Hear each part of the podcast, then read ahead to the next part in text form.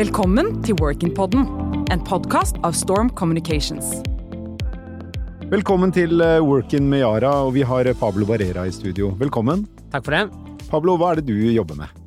Jeg jobber med kommunikasjon, myndighetskontakt og innkjøp, og sitter i konsernledelsen i Yara. Det var mye. Ja. Er det noen fellesnevnere mellom de tre områdene?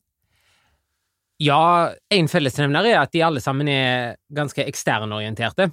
Så både i kommunikasjonsrollen, i myndighetskontaktrollen og i innkjøpsrollen så har jeg mye med eksterne partnere å gjøre, og stakeholdere. Mm.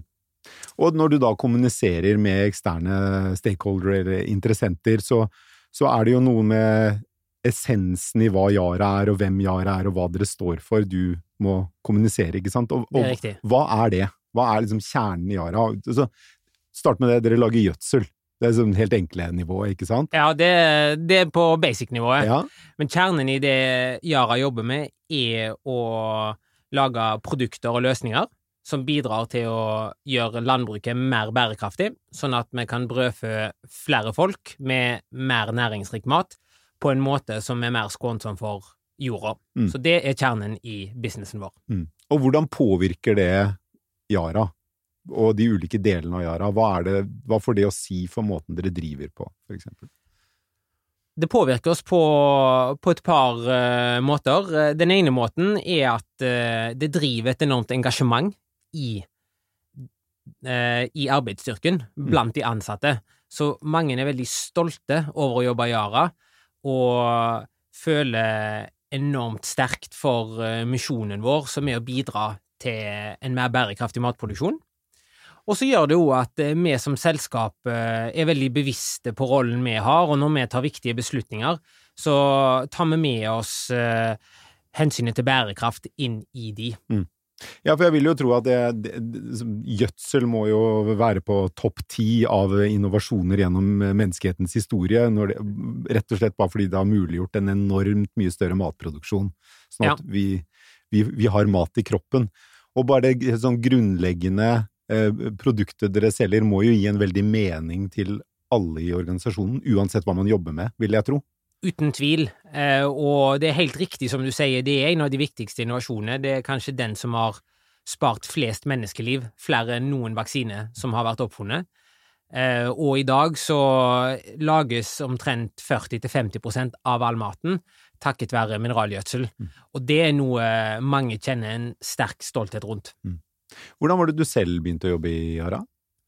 Jeg begynte å jobbe i Yara mm, egentlig litt tilfeldig. Eh, Jeg hadde en tidligere kollega som eh, jobba i Yara, som hadde snakket veldig varmt om Yara. Og så skulle avdelingen hans ut og lete etter folk, eh, og jeg eh, begynte å sette meg nærmere inn i selskapet og tenkte at her eh, har jeg et sted der jeg kan ha en reell innflytelse, der jeg kan virkelig utgjøre en forskjell i en global skala. Eh, Det var viktig for meg. Og så var det jo viktig for meg eh, å kunne jobbe ute, og det har jeg gjort. Og spesielt Latin-Amerika, da, som eh, hjertet mitt brenner for. Mm. Så i Yara så fant jeg en del eh, ting som ble eh, huka av på lista mi, da.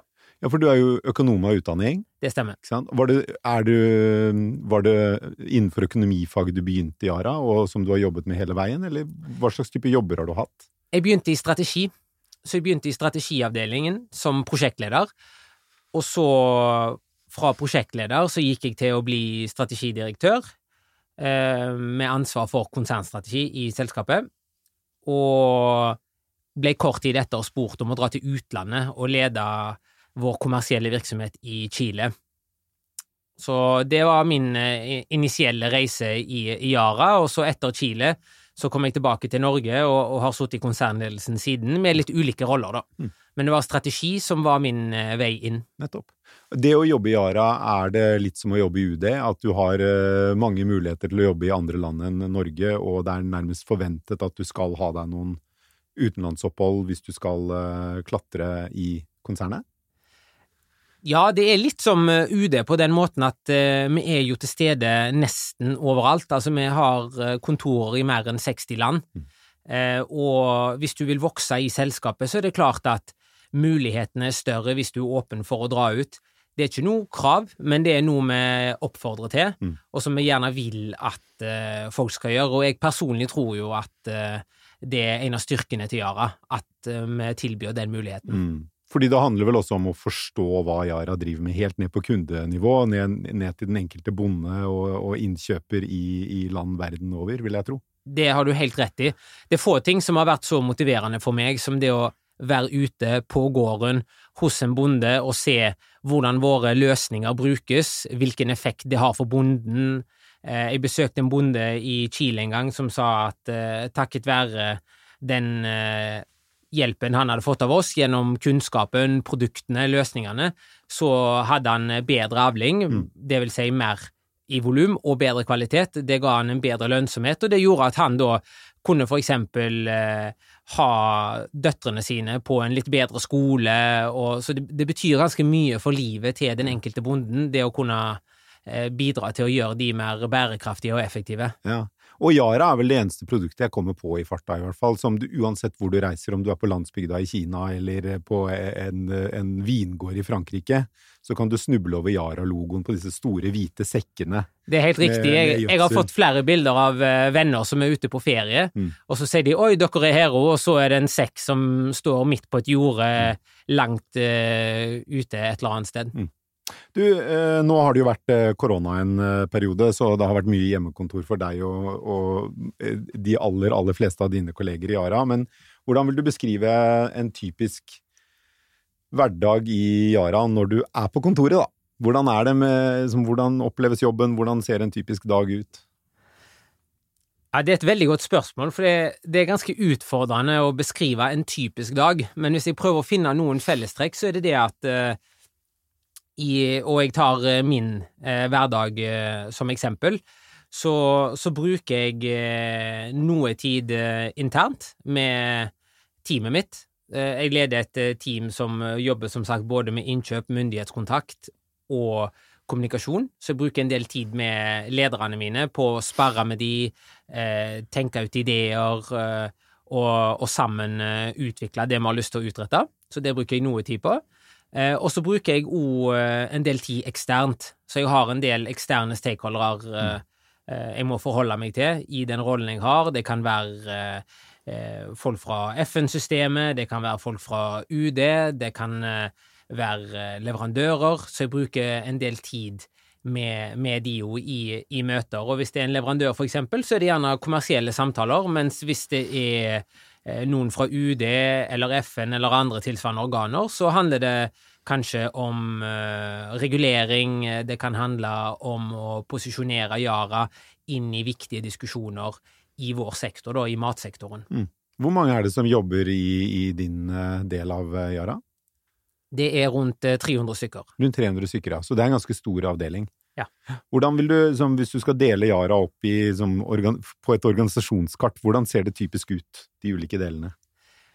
Vi er delt inn i eh, store regioner, primært. Så vi har en region som er Amerikas, som er alt som er vest for Atlanteren. Vi har en region som er Afrika-Asia, og en som er Europa. Så det er de tre eh, hoved eh, operative områdene våre. Mm. Og så har vi et område som er mer eh, driftsfokusert, som eh, jobber med produktivitet, med helse, miljø, sikkerhet eh, og med global logistikk.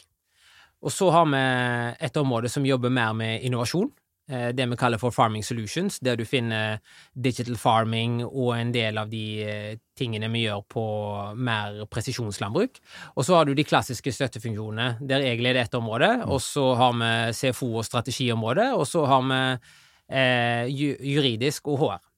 Digital farming, det er spennende, og posisjonslandbruk. Kan ikke du bare kort fortelle litt om det, så vi kan nøle litt rundt eh, akkurat den Ja, ja, ja. Nei, det, det er jo kjempespennende, og i eh, en eh, verden der vi trenger et mer bærekraftig landbruk, så er det helt eh, kritisk eh, å kunne bruke digitale verktøy. Så digital farming, det vil jeg si, eh, sånn som vi definerer det da, er, er to ting. På den ene siden så er det det å bruke digitale kanaler for å nå ut til flere bonder med kunnskap og løsninger. Så det, det, er det at du får muligheten til å kommunisere med flere.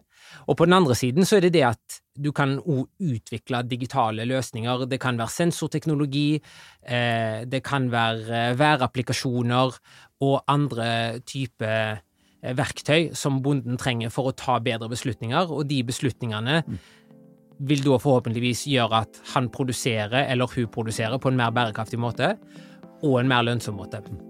Ok. Tusen takk skal du ha, Pablo. Takk for meg. Ønsker du å lære mer om spennende karrieremuligheter og hvordan du kan lykkes i fremtidens arbeidsliv? Trykk subscribe og følg Workin på LinkedIn og Facebook.